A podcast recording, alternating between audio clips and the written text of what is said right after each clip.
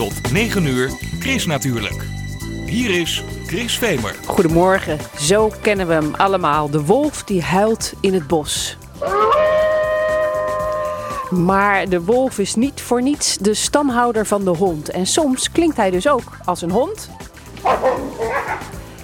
Of uh, is het andersom? Chris natuurlijk is op bezoek bij de wolven in Diergaarde Blijdorp. Samen met Dick van der Meulen, die een boek heeft geschreven over wolven en mensen. Ondertussen sluipt de tijger steeds dichterbij. De tijger van het Internationaal Filmfestival Rotterdam. Je hoort hem nu al brullen. Op het festival kun je niet alleen films zien, maar ook tentoonstellingen. Of een masterclass volgen over illustraties en animaties in het teken van Jungle Book. Met de panter en de slang. En dan komt er een olifant en die blaast het verhaaltje weer uit. Maar zover is het nog lang niet. Nee, nu begint het pas. Allemaal met... Chris natuurlijk, met Chris Vemer.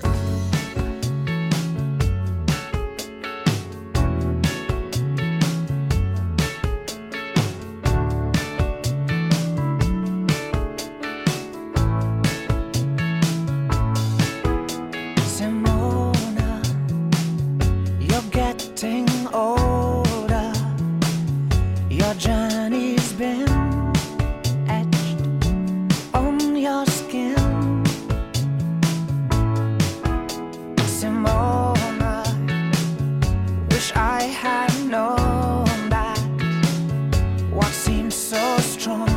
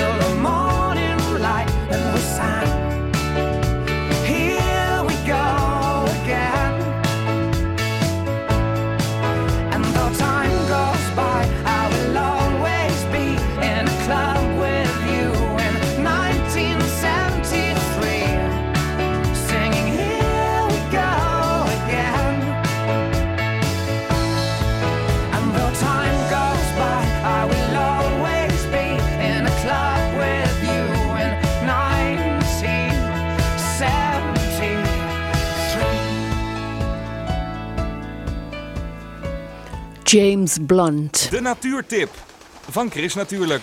Eeuwenlang was de wolf een vraatzuchtig en gevaarlijk dier dat bestreden moest worden. En niet alleen in sprookjes. Maar het beeld van de grote boze wolf is aan het veranderen. Nederland wil de wolf terug. Chris natuurlijk, die ontmoet Dick van der Meulen, schrijver van De Kinderen van de Nacht. En dat is een boek over wolven en mensen. Wil je in Nederland een wolf zien, dan kun je toch het beste naar de dierentuin. Maar ook bij de Wolvenvallei van Diergaarde Blijdorp zijn de wolven niet altijd te zien. Wolven houden zich altijd verborgen, dat zie je wel weer. Hè? In het wild zie je ze echt niet als ze hier voorkomen. Maar ja, nu zelfs vandaag in de dierentuin, het valt niet mee. nee, het is geweldig. Ze kunnen zich ontzettend goed verstoppen. Hè? Ze houden niet van mensen, dat merk je wel. Oh, kijk, we zien hier wel een plaatje van de Europese wolf. Ja, nu is er, uh, er is geen echt verschil tussen de, uh, genetisch is er geen verschil tussen de Europese wolf en wolven elders. Hè. Alleen uiterlijk kun je het wel zien. Dus de Amerikaanse wolf is wat korthariger, iets gedrongener gebouwd. Maar uiteindelijk is wolf is wolf. En wolf is ook hond. Hè. Genetisch is het allemaal één en hetzelfde beest. Ja, kun je je eigenlijk helemaal niet voorstellen. Als je nou bijvoorbeeld zo'n mopshondje ziet of zo, dan denk je, was zijn voorvader nou een wolf? Ja, dat krijg je natuurlijk als je gaat doorfokken op vreemde kenmerken. Hè? je zou het bij mensen natuurlijk ook kunnen doen. Als je mensen fokt op grote neuzen of flaporen of wat dan ook, dan, dan kan dat natuurlijk wel. En dat is precies wat ze bij wolven hebben gedaan.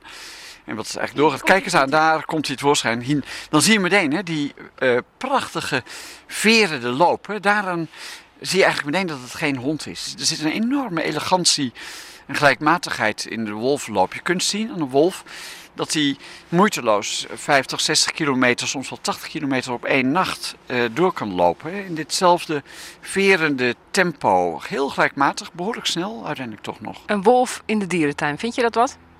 Ja, uiteindelijk ben ik, ik ben sowieso voor dierentuinen. Kijk, uh, bij wolven is dat niet aan de orde, die worden niet met uitsterven bedreigd. Maar er zijn heel wat dieren die uiteindelijk nu hun voortbestaan danken aan het feit dat er een aantal exemplaren ooit in dierentuinen zijn gehouden. De Vicent is zo'n geval. Dus alleen om die reden al ben ik ervoor. En ook vind ik het goed dat mensen in contact komen met de, ja, de natuur die ze niet kunnen zien. Een wolf in het wild zie je niet. Hè. Dat is bijna uitgesloten. Daar moet je geweldig je best voor doen. En hier zie je het wel. Dus ja, god, als je mensen... Kijk, daar komt nummer twee eh, tevoorschijn. Hè. Schitterend. Het ziet er wel gezellig uit, hè? zoals ze het hebben samen, denk ik. Ja, wolven, eh, dus als, uh, wolven zijn moeilijk te houden in dierentuinen. Maar uh, ze moeten uit één en dezelfde roedel zijn, dus hetzelfde gezin zijn. Maar als dat het geval is, dan gaat het, dan gaat het goed. Maar je kunt dus niet, kijk, hier zijn er nog twee. De firma Blijdorp kan niet zeggen van, weet je wat, we willen wat meer hebben, we stoppen er nog een paar bij. Dan krijg je oorlog. Je zegt het is heel moeilijk om een wolf in het wild te zien. Maar je hebt het wel gezien. Hoe was dat? Merkwaardig vooral. Ik ben ervoor naar uh, de Verenigde Staten gegaan, naar Yellowstone. Dat, dat wordt ook gezegd, dat is een beetje de plek om ze in het wild te zien. En uh, dat is gelukt. Maar we stonden daar wel met pakweg 150 mensen naar te kijken. Die wolven daar zijn gezenderd. Uit de hele wereld komen fanaten daar naartoe om wolven te zien. Ja, goed, en dan sluit je je aan bij zo'n groep mensen die een ontvanger hebben van de zender. Een paar dagen geduld hebben, ochtenden vroeg opstaan en dan op een zeker zie je ze. En ik moet zeggen, ja, toen het uiteindelijk lukte, ik, ik kreeg toch tranen in mijn ogen. Ik was toch, toch ontroerd. Maar dat komt natuurlijk als je er jaren mee bezig bent, dan maakt het eigenlijk niet meer uit in welke vreemde omstandigheid je ze ziet. Jouw boek, De Kinderen van de Nacht, dat gaat vooral over de mens en de wolf. Het gaat over beide. Het, het, was eigenlijk bedoeld om eh, toch ook echt een boek over wolven te schrijven. Ook wel de biologische wolf. Dus ik heb veel kenners op dit gebied ondervraagd, ook vakliteratuur gelezen. Maar het ging mij ook om het cultuurhistorische aspect van de wolf. Hè. Waar komt Roodkapje vandaan? Waar komt onze fascinatie en onze angst voor wolven vandaan? Dus dat was allemaal wel uh, wat ik wilde beschrijven. En als je je daar dan meer in verdiept, ja, dan leer je uiteindelijk denk ik nog meer over mensen dan over wolven. Mensen zijn hele merkwaardige dieren, veel vreemder eigenlijk dan wolven. En vandaar misschien dat de wolf zich ook verhoudt van de mens, als het even kan. Ja, de wolven hebben daar wel redenen voor natuurlijk. Kijk, uh, wolven en mensen gingen eigenlijk heel goed samen Totdat mens uh, besloot veeteelt uit te vinden. De wolf was ooit een beetje een soort bondgenoot. Toen wij nog jagers en verzamelaars waren, toen konden we ze kon het wel goed vinden. Maar toen uh, wij uh, opeens geiten en schapen gingen houden, toen dacht de wolf, kijk, dat, dat is nog, nog, nog veel makkelijker. Dus die begonnen onze schapen aan te vallen en dat was het einde van de vriendschap. En daar komen uiteindelijk alle boze sprookjes voor het deel wel een beetje vandaan. Maar ja, aan de andere kant, de beer, die zou ons ook zomaar opvreten. En daar hebben we toch een andere band mee. Hè? Daar zijn knuffels van gemaakt en de beer komt toch al wat aaibaarder over. Ook al is hij dat net zo goed niet als de wolf. Dat is ook een heel merkwaardige zaak. Want een beer is uiteindelijk in alle opzichten denk ik een, een, een, gevaarlijker beest dan de wolf. Wolven zijn voor mensen eigenlijk niet gevaarlijk, tenzij mensen in extreme omstandigheden raken. Als in tijden van oorlog, dan, dan, kunnen ze ons, uh, of kinderen kunnen ze dan uh, bedreigen. Ja, daar schrijf je ook iets over in het boek, hè? maar dat, dat is alweer van lang geleden. Ja, nou ja, goed, je weet het maar nooit met zo'n Trump. Hè, of we weer niet in de oorlogstijd uh, gaan komen. Maar uh, uh, zolang Nederland het een klein beetje rustig houdt, hè, wij de Belgen niet binnenvallen of wat dan ook. Hè, zorgen dat er dus geen echte ellende ontstaat. Dan hebben wij de wolf niet te vrezen. Alleen de schapenboer. De schapenboer moet, moet werkelijk op zijn tellen passen. Dat bleek ook. Hè. Vorig jaar is de eerste wolf in Nederland teruggekeerd. Nee, twee, twee jaar geleden alweer. En het eerste wat uh, hij deed was niet onze talrijke reeën uh, aanvallen. Wat we allemaal wel een beetje hadden gedacht en ook misschien wel gehoopt. Maar nee, hij viel meteen de schapen aan van de schapenboeren. Ja, dat gaat uh, vaker gebeuren. De wolven keren terug, dat is zeker. Dan zullen schapenboeren hun maatregelen moeten nemen. Iets anders is hondsdolheid. Een ziekte die nu in de westerse wereld niet meer bestaat. Maar vroeger aan de orde van de dag was. En een hondsdolle wolf is levensgevaarlijk. Die valt je aan, bijt je en uh, nou goed. Uh, en dan word je gek. Dan word je gek. En dan krijg je meteen ook een, uh, iets anders. Mensen die door een hondsdolle wolf werden gebeten, die begonnen zich nou, op het laatste, het laatste stadium van de ziekte begonnen ze zich uh, als woestelingen te gedragen. En men vermoedt dat daar uh, de weerwolf vandaan komt. Dus weerwolven zijn natuurlijk ja, mensen die wolven worden.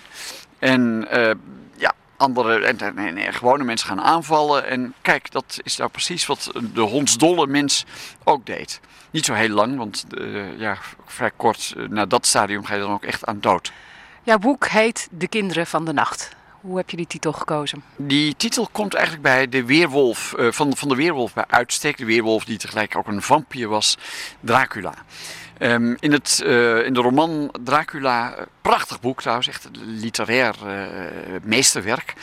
Uh, in het begin daarvan komt een argeloze notarisklerk komt in Transylvanië op bezoek bij de graaf Dracula, want die moet een contract tekenen. Die weet nog niet dat Dracula en dat daar iets mee aan de hand is. En hij is wel aangevallen al door wolven onderweg, dus wolven eind 19e eeuw, boze beesten. En hij staat in het kasteel en dan waait op de wind het geluid aan van het huilen van wolven. En de hoofdpersoon he, die huivert, maar Dracula die zegt vertederd... Listen to them, the children of the night, what music they make. En dat, zo, toen ik dat las, dacht ik, ja, die titel heb ik. Het boek moet nog geschreven worden, maar de titel is er. Nou, straks na de muziek keren we nog een keertje terug naar het boek en de kinderen van de nacht.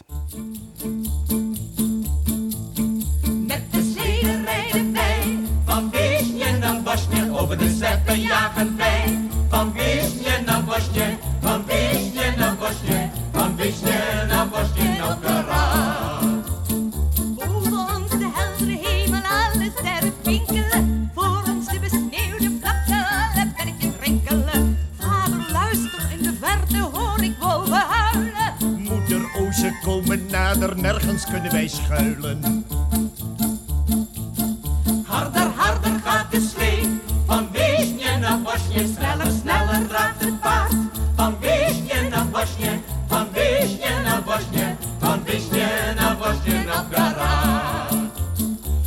Luister dan, ze komen nader zonder mededogen. Rijd ons moeder, rijd ons vader, zien rode ogen. Neem het grote pak met eten, gooi het uit de snede. Als de wolven het vinden, zijn ze eventjes tevreden. Nee, ze rennen er voorbij, nu zullen ze ons krijgen. Hoor, ze zijn nu heel dichtbij, je kunt ze horen hijgen.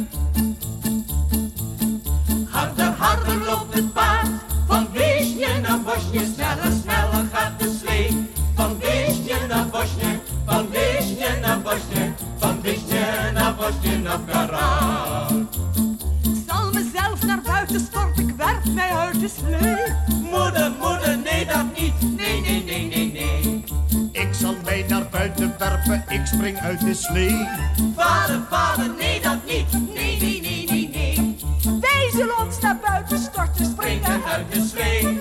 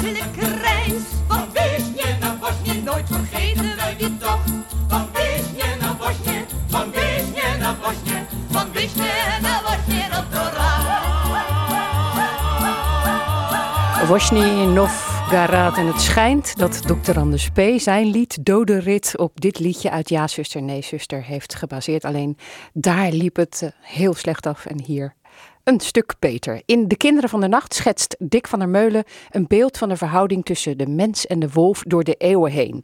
Aanleiding voor het boek is de terugkeer van de wolf in Nederland twee jaar geleden. En hoewel het beeld over de wolf aan het kantelen is, vraagt de schrijver zich in het boek af wat de mens toch altijd tegen de wolf heeft gehad. Het zogenaamde roodkapje-syndroom.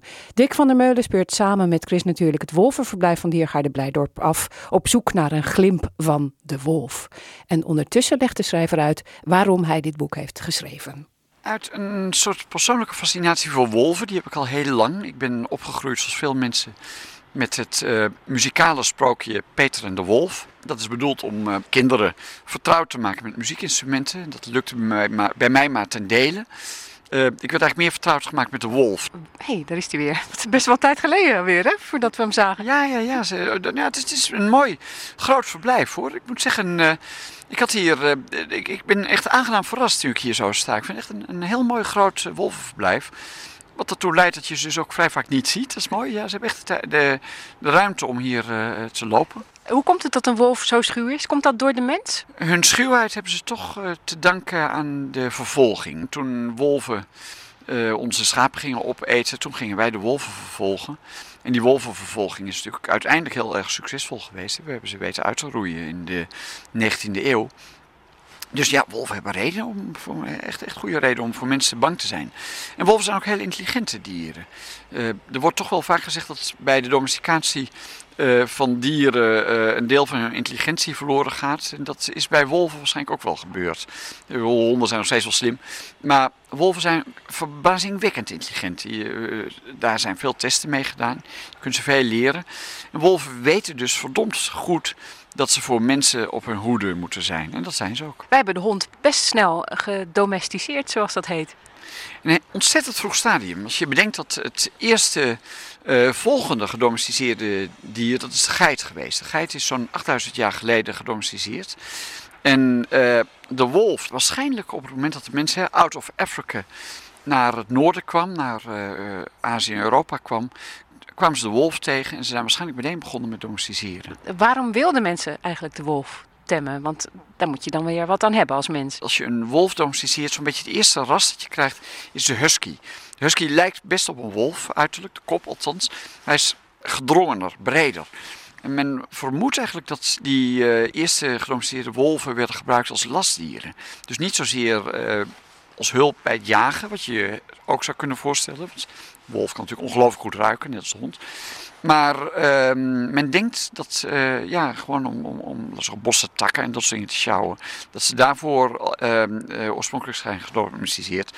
Goed, later blijkt natuurlijk dat de gedomesticeerde wolf enorm eh, bruikbaar is als jachtdier, eh, Waakhond. waakhond, noem maar op. Ja, nee, dus eh, het is veel, veel bruikbaarder dan een kat. En ook om die reden waarschijnlijk ook eerder gedomesticeerd dan de kat. We hebben het al een paar keer gehad over de slechte wolf. Hè? De wolf in de literatuur die vaak voorkomt als een slecht beest. Maar hij was ook wel eens goed. In de loop van de 20e eeuw begon het beeld van de wolf duidelijk te kantelen.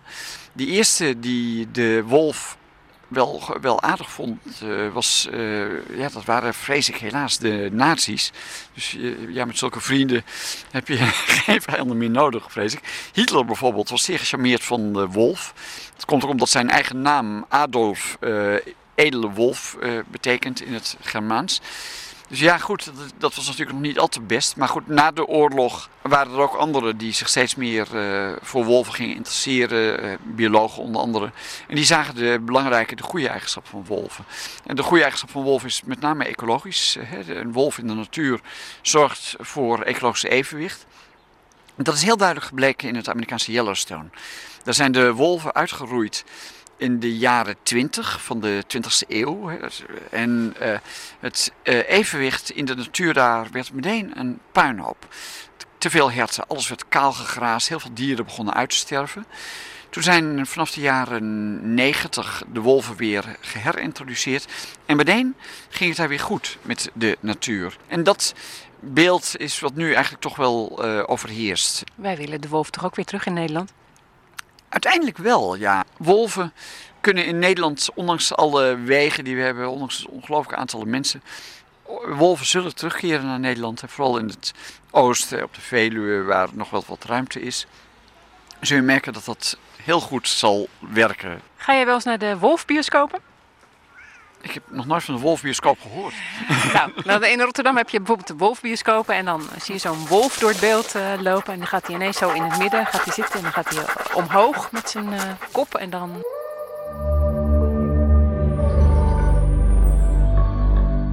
Nou, is een reden voor mij om naar de Wolfbioscoop te gaan. Ja, je, je ziet, ik, ik, kom, ik kom uit Haarlem, ik woon in Haarlem. Maar, en, ehm, eh, en ik ben geboren in de Achterhoek. Kortom, ik ken Rotterdam niet goed genoeg. Ik moet naar de Wolfbioscoop, dat is duidelijk.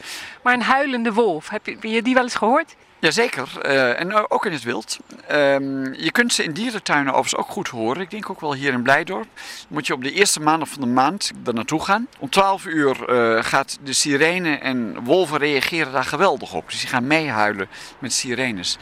Zelf heb ik in het wild wolf gehoord um, uh, in de Verenigde Staten, aan de rand van de wildernis. En de maan scheen laag door het venster, echt heel klassiek. En opeens zo, ik denk zo kort na middernacht, toen begon het eerste één wolf en vos. Van alle kanten woei het geluid van huilende wolven aan. En uh, ik moet zeggen, ik ben natuurlijk niet bang voor wolven. En toch, als je dat dan hoort, zo s'nachts in bed, je bent veilig en toch, dan begrijp je een klein beetje de angst van de middeleeuwer uh, voor die huilende wolf. Hoor. Het heeft wel iets griezeligs en iets fascinerends. De Kinderen van de Nacht over wolven en mensen van Dick van der Meulen. Het is een uitgave van Querido. Overal te koop. In de winkel kost het 24,50. Maar er is één luisteraar die het boek kan winnen. Bel 010 436 4436. Dan maak je kans.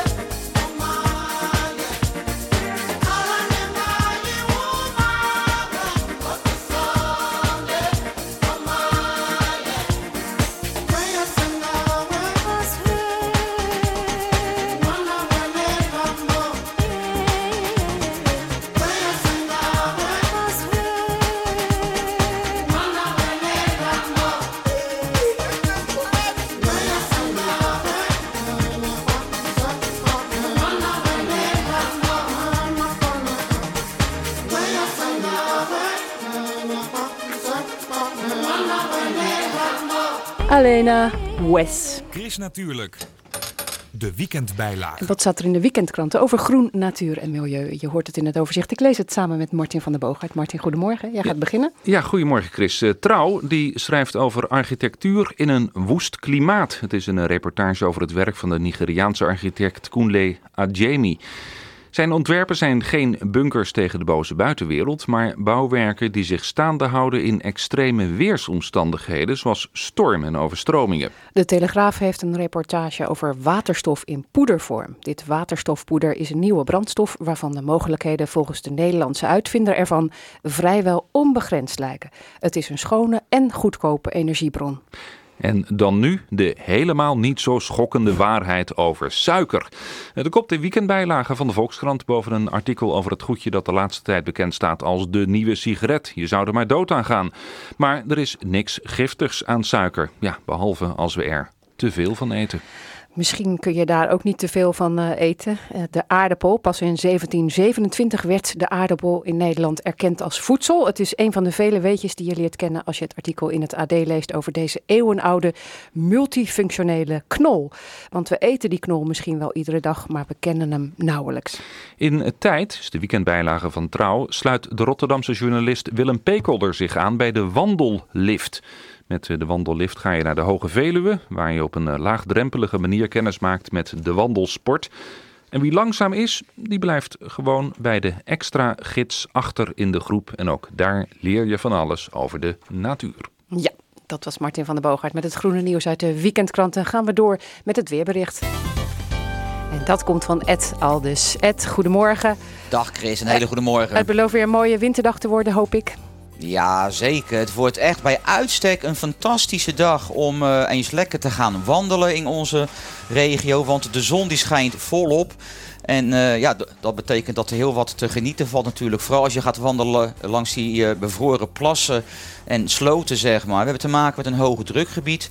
En die ligt zo'n beetje boven onze omgeving. En dat blijft het hele weekend zo. Nou, op dit moment vriest het zo'n 3 graden landinwaarts. Aan de grond een graad of 5. Net wat minder koud dan de afgelopen nacht. Ja, en vandaag zien we dus inderdaad die prachtige dag met volop zonneschijn. Ja, uit zo'n blauwe lucht kan het niet regenen, dus het is ook droog. En uh, er staat ook maar heel weinig wind, een zwakke, hooguitmatige oostenwind, dus rustig weer. Nou, vanochtend eerst nog lichte vorst. Vanmiddag gaat het in de hele regio licht dooien. Temperaturen omstreeks een graad of 4. Aan zee kan het wel ruim 5 graden worden. In het oosten van de regio een graad of 3. Nou, vanavond en vannacht is het helder. Nou, er zou zich hier en daar wat mist kunnen gaan vormen. Die kan ook aanvriezen, dus misschien wel lokale gladheid. En het wordt kouder dan de afgelopen nacht. Op heel veel plaatsen landinwaarts matige vorst. En dat betekent temperaturen rond min 6 graden. Dus echt eventjes ja, een flink koude nacht. Ja, en dan morgen als het ochtendgrijs is verdwenen, Chris, krijgen we weer schitterend weer. Het is zonnig, het is droog, rustig ook. In de middag een graad of 4 boven nul. En dat bij een zwakke wind en die waait dan meestal uit het zuiden. Nou, ook in de nacht naar maandag lichte vorst. En dan zie je maandag en dinsdag een kleine verandering, want dan ligt het hoge drukgebied verkeerd. En dat betekent dat de aangevoerde lucht even wat vochtiger wordt. Meer lage bewolking, een wat grotere kans op mist in de nacht en ochtend. Nou, overdag temperaturen ruim boven nul, zo'n graad of uh, 4 ongeveer. En ja, in de nacht naar dinsdag denk ik dat de vorst flink wordt getemperd. Want dan hebben we namelijk te maken met uh, nogal wat lage bewolking en mogelijk mist. Dus dan ligt de temperatuur rond of maar een fractie onder nul. Maar vanaf woensdag, naar het zich nu laat aanzien althans, alweer meer zon. En ja, en voorlopig blijft het rustig en droog. En de nachtvorst, ja, die houden we voorlopig. Maar ja, het is te weinig om de schaatsen onder te binden, helaas. Nou, dus dan gaan we gewoon, wat jij zei, uh, langs al die bevroren plassen lopen. Ja, zeker. En vergeet vooral je fototoestel niet. Want uh, als je dan langs zo'n rietkraag gaat, het zonnetje schijnt erop. En dan met dat uh, ijs wat zo glinstert. Ja, is dat je... prachtig om daar foto's van te nemen. Ja, dan kun je ook naar jou sturen. En dan wie weet is het ook wel overal te zien dan, hè? Ja, zeker. Weerfoto at Rijnmond.nl Dankjewel, Ed. Fijn weekend. Hetzelfde.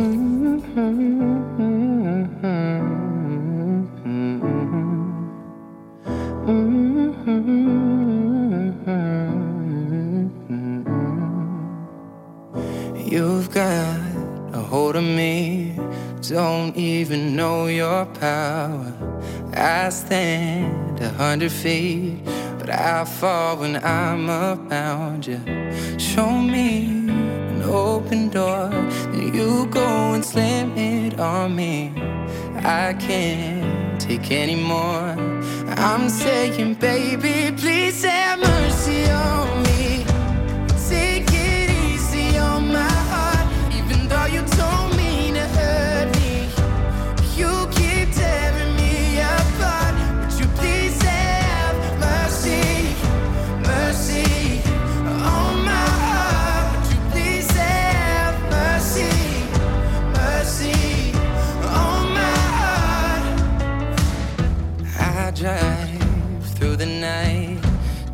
To be near you, baby. Heart open, testify. Tell me that I'm not crazy. I'm not asking for a lot, just that you're honest with me. And my pride is all I got. I'm saying, baby, please have mercy on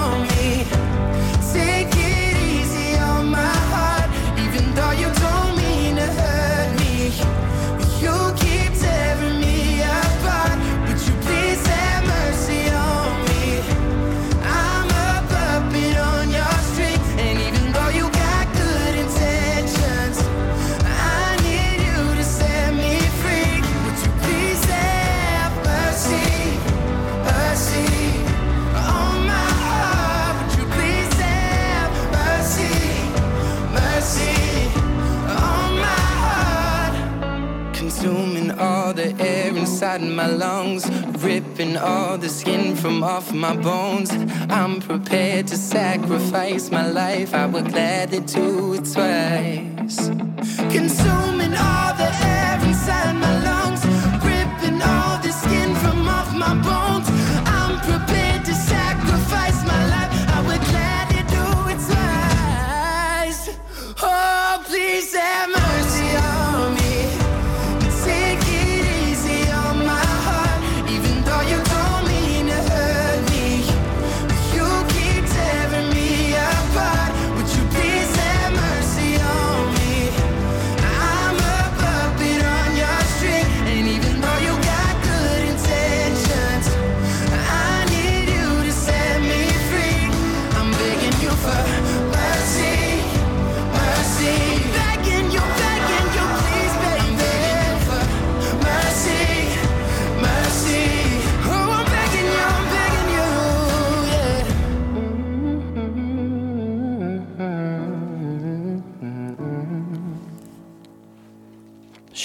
Mendes was dat op het International Filmfestival Rotterdam, dat woensdag begint, geeft Boekie Boekie een serie workshops voor kinderen en profs. Van illustratie naar animatie heet het programma dat in het teken staat van Jungle Book. Chris natuurlijk, die gaat met Jet Malro, de hoofdredacteur van het literaire tijdschrift voor kinderen, op bezoek bij de componist Peter Jan Wagemans op het Rotterdamse Conservatorium. Want muziek zal een belangrijke rol spelen in de workshop. Jet Malro die vertelt meer over het programma. Het is een workshop voor illustratoren en animatoren. En dan maken zij samen van een gedicht een animatie. En bij die animatie wordt ook gebruik gemaakt van muziek, omdat muziek ook sfeer toevoegt aan een animatie. Ja, misschien kun je dan een voorbeeld geven, want jij zegt altijd Jaws. Dat is natuurlijk een film, maar Nou, Jaws is ehm, een film die eigenlijk volgens de filmmakers mislukt was. Er zat geen spanning in die film. Er was alleen een haai die at dan gewoon een eh, argeloze zwemmer op. Maar doordat ze de muziek toegevoegd hadden, werd het spannend.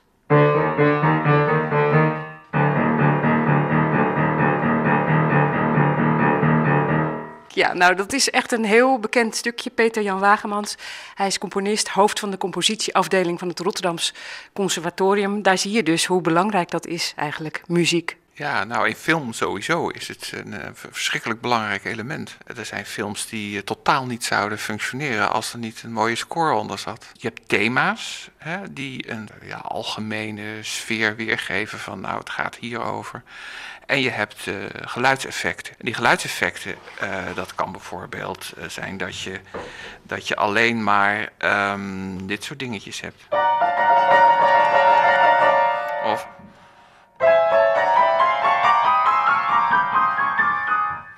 Vliegt er iets weg. Of eh, gevaar, dat kan eh, heel. Maar dat zijn allemaal eh, hele eenvoudige effecten. Maar bijvoorbeeld, je hebt ook van die thema's, hè? bijvoorbeeld deze.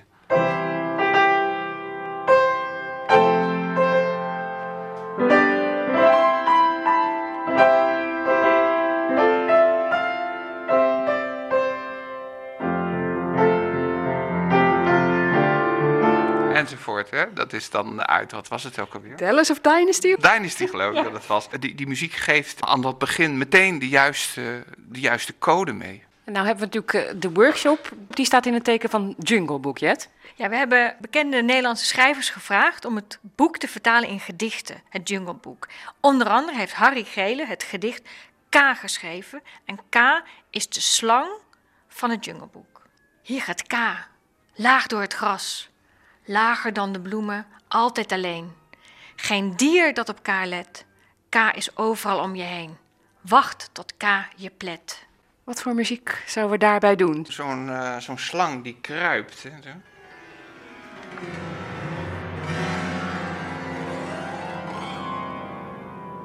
Dus kunnen jullie dat tegelijk doen? Ja. Hier gaat K, laag door het gras. Lager dan bloemen, altijd alleen. Geen dier dat op K let. K is overal om je heen. Wacht tot K je plet. Leuk om te doen. Ja, ik vind het wel leuk, ja. En dit is dus wat de mensen op de workshop ook gaan doen. Hè? Want er komen dus ook mensen van het conservatorium die meehelpen aan de workshop.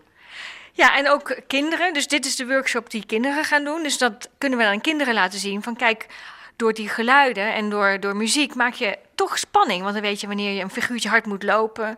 Of wanneer je een geluid hoort waar je bang van moet zijn of blij. En dat is nou het mooie, dat we dus een, eh, in één middag... In vijf uur tijd maken we vijf animaties. En dat is de uitdaging en dat is bijzonder spannend. Want dat is echt flink aanpoten door die jungle. Om daar iets moois van te maken. Maar ik denk dus doordat je dus samenwerkt... dan kun je in één keer heel veel doen. En studenten, stu- studenten van het conservatorium doen eraan mee. Dat zijn compositiestudenten. We hebben hier improvisatiegroepen. En wat nou zo leuk is, is dat die studenten nu gevraagd worden om eigenlijk hele eenvoudige dingen, eh, zoals, ja, zoals een aap en een olifant enzovoort, om daar ook nu op te eh, improviseren. En ze komen met allerlei verschillende instrumenten. Ze komen met eh, accordeon en met gitaar en met ukulele en zelfs met een panfluit. Het zijn allemaal instrumenten waar die mensen heel goed op kunnen spelen. Dus het is voor hen ook, ook, heel leuk. Ze moeten weer eventjes 12 worden, terwijl ze eigenlijk al 20 zijn. Misschien is het ook wel leuk om nog een paar dieren uit de jungle van Jungle Book te halen. Hè? De olifant. De olifant, oh jee. Met een olifant zou ik zeggen.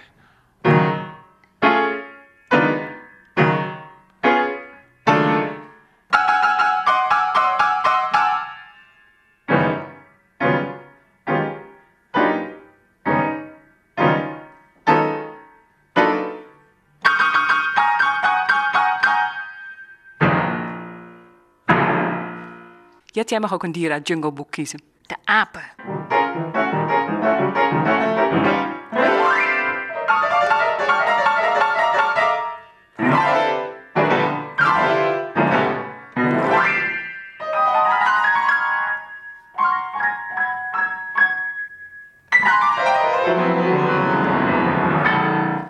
Van illustratie naar animatie heet het programma dat Boekie Boekie samen met het Filmfestival houdt op zondag 28 januari. Kinderen en professionals eh, die eh, kunnen ieder hun eigen programma volgen. Op de site chrisnatuurlijk.nl staat een linkje. Daar heb je meer informatie over het eh, bestellen van kaartjes voor deze workshop. En straks na de muziek meer filmfestival. Dan komt eh, de festivaldirecteur Bero Beijer vertellen over het eh, aanstaande festival.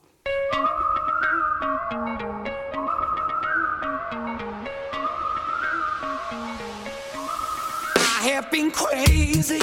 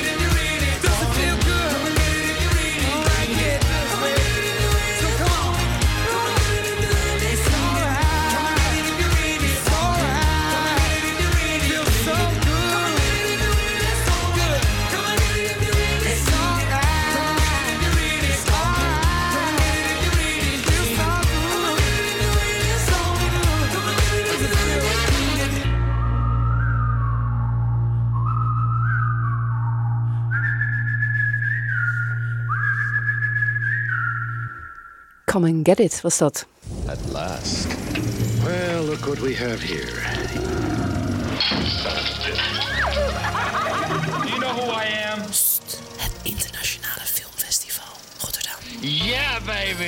En Berlijn heeft de beer, Venetië de leeuw en Rotterdam de tijger. Die tijger staat op het punt de stad over te nemen. Het programma is bekend, de tijgervlaggen wapperen en de kaartverkoop is begonnen. Maar woensdag dan barst het festival natuurlijk echt goed los met de openingsfilm Lemon. De festivaldirecteur is de gast voor een vooruitblik op deze 46e editie van het International Filmfestival Rotterdam. Bero Beijer. Goedemorgen, welkom. Nou, laten we het maar eens hebben over eh, de online kaartverkoop. Want dat is toch eigenlijk waar het eh, altijd eh, een beetje om draait hè, op het filmfestival als het eh, allemaal begint met de kaartjes. Heel vaak is het niet goed gegaan, dus dan vraag ik vandaag, hoe is het gisteravond gegaan? Om acht uur ging het open. Nou, dat, dat zeg je heel leuk, maar het gaat natuurlijk om al de films die er zijn en al de filmmakers die Ja, ja, nee, maar ik bedoel, voordat het woensdag halen, begint. ja, ehm, vroeger was het nieuws dat het, dat het eh, lang duurde of dat je ergens een probleempje mee had. En nu ging het als, een, als, een, als een zonnetje eigenlijk. Ja, en jij zei net eh, voor, eh, een beetje hier voor de uitzending van nou ja, ik kwam hier in de kou aan. Heel vroeger was het natuurlijk zo dat de mensen dan gewoon vanochtend hè, om deze tijd in de rij stonden voor kaartjes. Ik weet het nog goed hoor. Ik stond ook gewoon in die rij en dan heel lang. En dat, dat vinden we nu heel nostalgisch en gezellig. Maar wat is het toch fijn dat het nu gewoon achter je knop kan.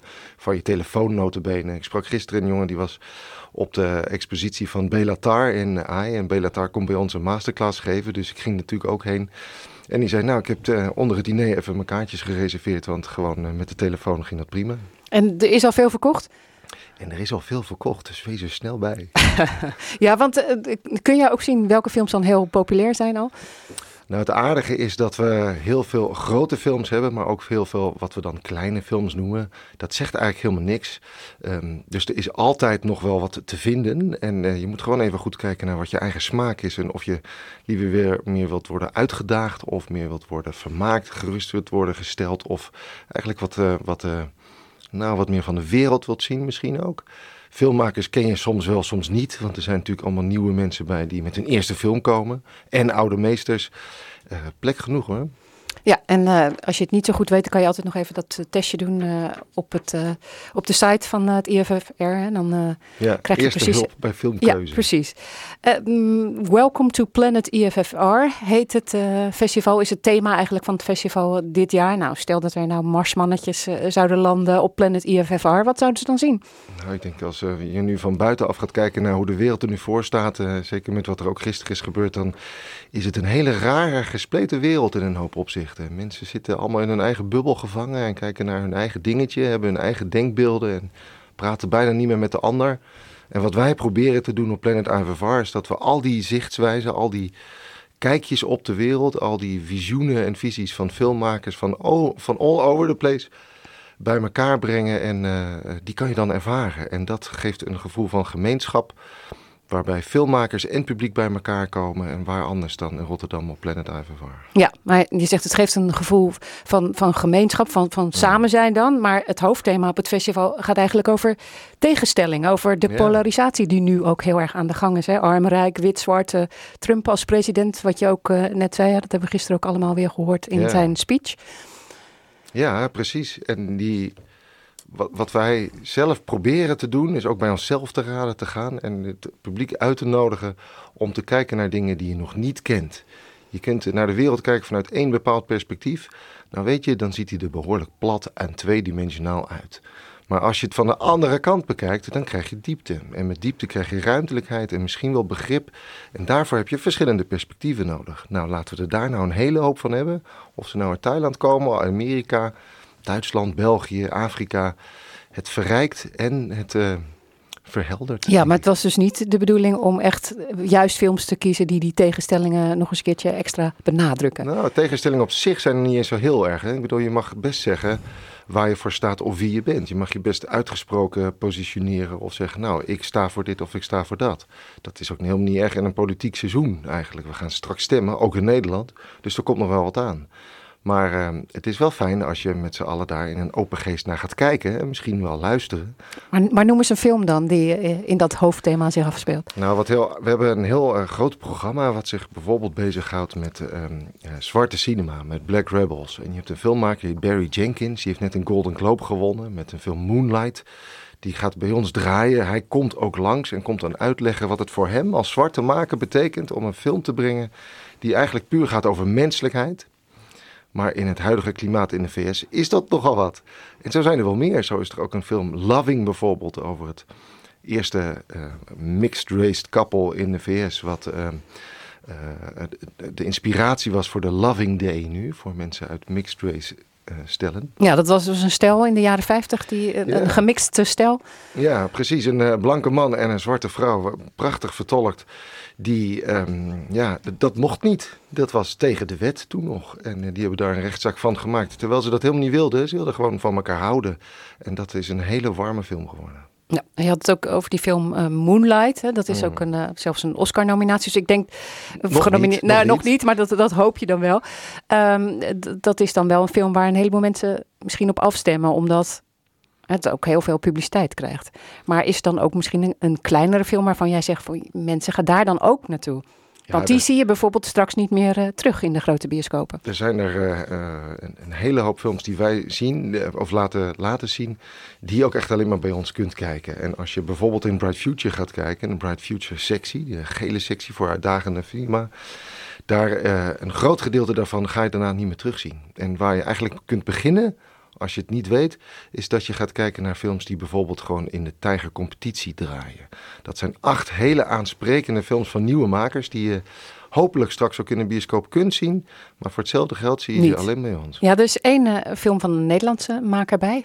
Bij al die eh, nominaties. Ja. Die is waarschijnlijk wel te zien in de Ja, bioscoop. daar ga ik wel vanuit, want die is goed zeg. Die is echt Ja, heel, vertel. ja, die is heel leuk. Ik heb, nou, toevallig, toevallig sprak ik gisteren nog Alex van Warmerdam en ik zei tegen hem dat ik de film altijd pitchte als een kruising van Van Warmerdam meets Monty Python. Omdat hij op een hele satirische, maar erg Nederlandse manier over nou ja, de tragiek van in dit geval eh, jonge mannen gaat. Maar daar totaal vrij in Quality is. Time heet film. Quality Ja. Time heet die. En eh, het zijn, dat is zeker geen quality time, die 90 minuten. Want het is hilarisch, het is grappig en eh, toch heel diep menselijk.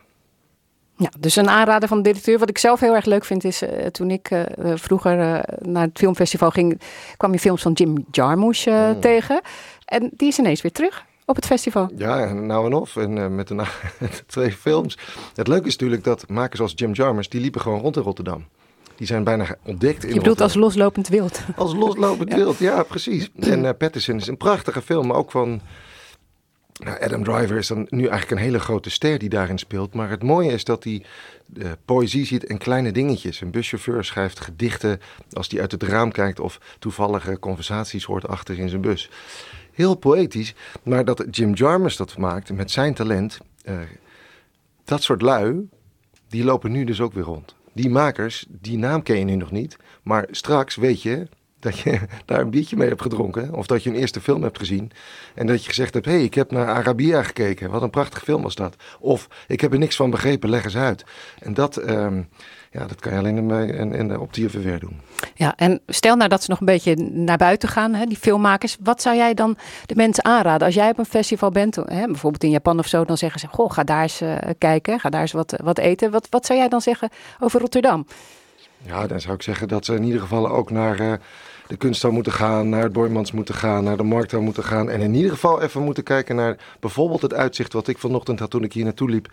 Want die, die luchten van uh, Rotterdam met dat water, vogeltjes en een mast, ja, dat, dat is toch wel heel fijn. Rotterdam uh, met zijn lantaarnpalen, ja, dat bestaat ook nog steeds. Bero Beijer, ik uh, wens je een heel mooi festival. Dank dat je hier was om erover te vertellen. Het 46e International Film Festival Rotterdam is dus vanaf woensdag 25 januari. En het duurt nog heel lang, tot en met 5 februari. Veel plezier allemaal. En daarmee zijn we aan het einde gekomen van Chris Natuurlijk. Een programma van Chris Vemer, Peter Konings, Martin van der Boogaard, Mirjam Wilkes en Hanny Bissiger, die werkte mee vandaag. Volgende week in Chris Natuurlijk de Nationale Tuinvogeltelling. Hang je tuin nu alvast vol met vetbollen, pinda, snoeren en ander vogelvoer. Dan heb je wat te tellen volgende week. Fijn weekend en straks veel plezier met muziek voor volwassenen en Johan Derksen.